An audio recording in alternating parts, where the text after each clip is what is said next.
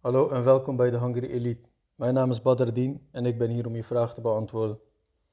Welke eiwitrijke groenten zijn ideaal voor de spieropbouwende vegetariër? Nou, zeker als iemand uh, die geen vegetariër is, denk je de opties zijn op één hand te tellen. Dat valt reuze mee. Ik ben zelf ook meer research aan het doen, aangezien ik twee vegetariërs erbij heb gekregen in mijn voedingscoachinggroep. En de opties zijn er zeker. Bij van de eiwitrijke groenten per 100 gram behoren dit tot uh, de meest eiwitrijke groenten.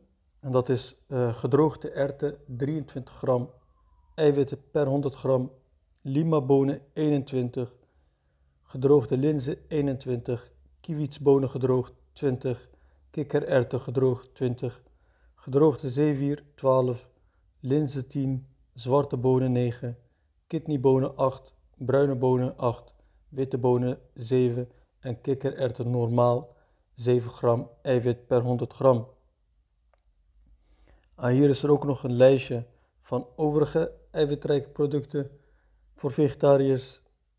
Uh, zonnebloempitten 27 gram eiwit per 100 gram, pijnboompitten 27, pinda's 26, pompoenpitten 24, amandelnoten 20, pistasnoten 19, cashewnoten 16, quinoa 15, walnoten 14 en zeker ook niet slecht vegetarische eiwitpoeder 78 gram eiwit per 100 gram.